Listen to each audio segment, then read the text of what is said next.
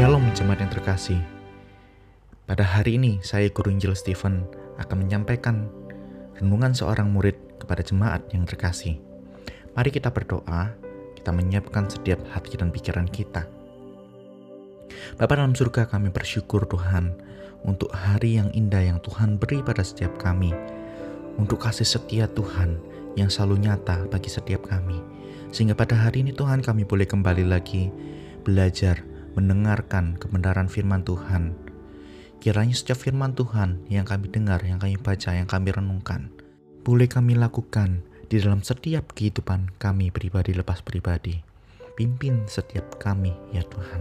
Di dalam nama Yesus Kristus kami berdoa dan bersyukur. Haleluya. Amin. Jemaat yang terkasih, pembacaan kita terambil dari bahan Gema dan kita sampai pada Mazmur 58. Demikianlah firman Tuhan dari ayat yang kedua. Sungguhkah kamu memberi keputusan yang adil, hai para penguasa?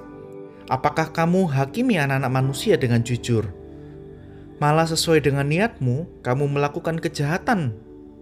Tanganmu menjalankan kekerasan di bumi. Sejak lahir orang-orang fasik telah menyimpang. Sejak dari kandungan, pendusta-pendusta telah sesat. Bisa mereka serupa bisa ular mereka seperti ular tedung tuli yang menutup telinganya. Ayat 7. Ya Allah, hancurkanlah gigi mereka dalam mulutnya. Patahkanlah gigi geligi singa-singa muda, ya Tuhan. Ayat 11, orang benar itu akan bersuka cita, sebab ia memandang pembalasan. Ia akan membasuh kakinya dalam darah orang fasik. Yang terakhir, dan orang akan berkata, Sesungguhnya ada pahala bagi orang benar. Sesungguhnya ada Allah yang memberi keadilan di bumi. Sampai demikian pembacaan nats kita pada hari ini. Jemaat yang terkasih, jika kita melihat tadi bagaimana Mazmur menuliskan keluh kesahnya di dalam pasal yang ke-58 ini, kita melihat bersama-sama ada suatu konteks, ada suatu peristiwa yaitu pemazmur sedang menghadapi musuh. Nah, musuh yang seperti apa atau bagaimana yang dialami oleh pemazmur ini? Mari kita lihat dari ayat yang kedua. Dikatakan di sana yang dihadapi oleh pemazmur ini adalah ada seorang pemimpin, ada seorang penguasa yang memberi keputusan yang tidak adil. Di dalam ayat kedua dikatakan juga seorang pemimpin atau penguasa ini tidak memiliki kejujuran. Ayat yang ketiga, memiliki niat yang jahat untuk melakukan kekerasan. Ayat 4 dan ayat 5 kita juga melihat bahwa seorang pemimpin, seorang penguasa ini, musuh yang dihadapi ini jalannya menyimpang. Tidak mendengarkan siapa pun. Jemaat yang terkasih model dari musuh pemazmur ini adalah dia seorang penguasa, orang yang sangat keras kepala.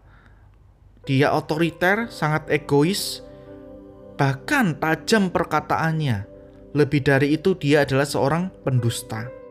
Cuman yang terkasih, setelah kita tahu seperti apa musuh dari Daud ini, kita melihat apa sih yang dilakukan oleh Daud, apa yang diajarkan oleh firman Tuhan di dalam Mazmur 58 ini di dalam menghadapi seseorang penguasa atau seorang pemimpin yang tidak adil dan penuh dusta. Jemaat yang terkasih, kita tahu Daud punya kebiasaan yang sangat baik di dalam menghadapi masalah. Daud selalu menomorsatukan datang kepada Tuhan. Daud selalu mengutamakan Tuhan sebelum Daud menghadapi setiap permasalahannya. Sekalipun Daud marah, Daud tidak suka dengan penguasa tersebut yang dikatakan. Namun Daud tidak menjadi buta akan amarahnya. Daud tidak dikontrol oleh emosinya tetapi Daud datang dan menyampaikan setiap doa dan keluh kesahnya kepada Tuhan terlebih dahulu. Pola yang sama jemaat yang terkasih yang biasa dipakai oleh Daud untuk menyampaikan keluh kesahnya. Yang pertama, Daud selalu menyampaikan keluh kesahnya, masalahnya apa. Yang kedua, Daud menyampaikan permohonan kepada Tuhan. Dan yang ketiga, Daud mengikrarkan imannya dan mengikrarkan keyakinannya bahwa Tuhan pasti akan menolong, bahwa Tuhan itu sanggup, Tuhan itu besar, Tuhan itu maha ini, maha itu, dan sebagainya. Pola tersebut juga dipakai oleh Daud di dalam Mazmur 58 ini, jemaat yang terkasih. Ayat 2 sampai ayat 6 adalah keluh kesah dan masalah yang Daud hadapi. Ayat 7 sampai 11 itulah permohonan dari Daud kepada Tuhan dan ditutup dengan ayat 12 yang merupakan iman dan keyakinan Daud terhadap Tuhan. Dari sini kita juga bisa belajar, jemaat yang terkasih. Kita bisa memakai pola yang sama seperti yang Daud lakukan. Biarlah ketika kita di dalam suatu kesulitan, kita di dalam masalah, bahkan kita memiliki musuh, ada orang yang gak suka dengan kita, kita datang. Mari kita datang kepada Tuhan terlebih dahulu. Janganlah kita lakukan, kita mengandalkan kekuatan kita lebih dahulu kita mengutamakan amarah kita untuk menghadapi masalah atau untuk menghadapi orang-orang yang menyulitkan kita. Janganlah kita lebih dahulu merencanakan hal-hal yang jahat untuk membalaskan, untuk menuntaskan rasa amarah kita kepada orang-orang yang menyakiti kita, kepada orang yang berbuat tidak adil, kepada orang-orang yang kita benci. Jemaat yang terkasih, saya dahulu sebelum bertobat, sebelum Tuhan ingatkan, juga berlaku demikian. Dahulu ketika saya ada masalah, ketika ada orang yang menyulitkan saya, apa yang saya lakukan saat itu? Bukannya datang berdoa di hadapan Tuhan, namun sudah merencanakan hal-hal yang jahat kepada orang-orang tersebut. Gimana ya orang tersebut saya pukuli? Gimana ya orang tersebut menderita? Dan sebagainya. Otak-otak pemikiran-pemikiran yang jahat muncul sedemikian banyaknya karena saya tidak dekat kepada Tuhan. Jemaat yang terkasih, mari kita belajar dari Daud. Ketika Daud ada masalah, ketika Daud menghadapi orang-orang yang membuat sengsara hidup setiap manusia, apakah Daud bisa membalaskan amarahnya? Seharusnya bisa, bukan? Daud dapat membalaskan amarahnya sebenarnya. Namun Daud tidak melakukannya. Daud memilih tidak melakukannya. Daud memilih untuk datang di hadapan Tuhan terlebih dahulu. Dia berdoa di hadapan Tuhan. Jemaat yang terkasih, kita belajar dari Daud, pemazmur ini. Mari kita letakkan masalah kita, kita letakkan amarah kita. Kita bawa semuanya itu di hadapan Tuhan. Kita serahkan semuanya itu lebih dahulu di hadapan Tuhan. Secara kedagingan ini pasti berat. Iblis akan selalu berusaha untuk menggoda kita agar kita menuntaskan amarah kita, agar kita memuaskan seluruh emosi kita, menumpahkan semuanya kepada orang-orang yang kita tidak suka. Namun firman Tuhan hari ini jemaat yang terkasih mengajarkan kepada kita agar kita membawa semuanya di hadapan Tuhan. Jemaat yang terkasih, ketika kita sudah datang di hadapan Tuhan, lalu sampaikanlah permohonan itu di hadapan Tuhan, seperti yang Daud lakukan. Jika kita lihat sekilas tadi ada kalimat hancurkan. Ini rasanya kasar sekali ya jemaat yang terkasih. Namun kata hancurkan ini jangan kita salah maknai. Hancurkanlah gigi, patahkanlah gigi. Ini adalah majas, ini adalah metafora yang biasa dipakai oleh pemazmur. Gigi di dalam pemazmur, di dalam setiap mazmur menggambarkan dosa dari musuhnya yang berkaitan dengan perkataan. Coba kita lihat ayat yang kedua. Penguasa ini bagaimana dia memberi keputusan yang tidak adil, berkata tidak jujur, berdusta. Maka ketika pemazmur meminta hancurkanlah, patahkanlah gigi, berarti pemazmur mohon kepada Tuhan agar musuhnya tidak lagi dapat berkata dusta, tidak lagi berkata yang menyimpang. Jadi gigi ini merujuk kepada dosa yang keluar dari mulut para musuh jemaat terkasih. Mari kita sampaikan setiap permohonan kita jemaat yang kasih kepada Tuhan. Agar Tuhan sendirilah yang membuat orang-orang yang menyakiti kita, menyulitkan kita, memusuhi kita, menjadi berlaku yang benar.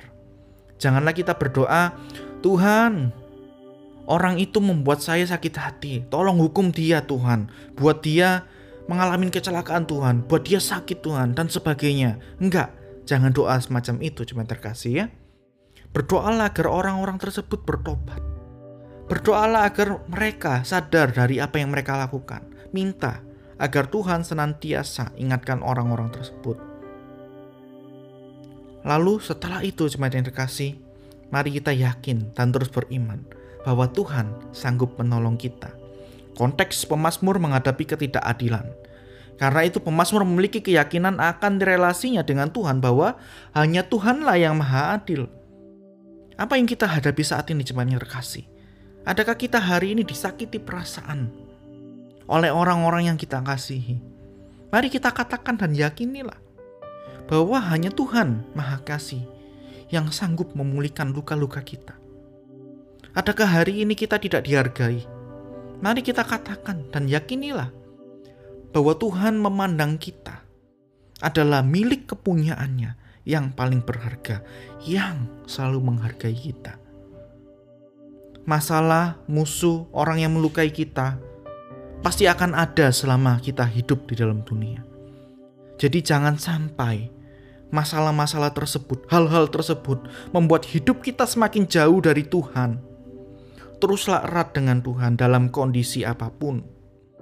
Mari kita jalani setiap masalah kita bersama-sama dengan Tuhan. Dan yang terakhir jemaat yang terkasih, firman hari ini juga menegur kepada setiap para penguasa, para pemimpin di masa kini.